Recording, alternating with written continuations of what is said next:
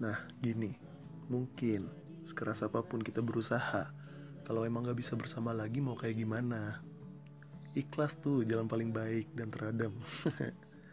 Jadi dari aku buat dia. Terima kasih ya. kasih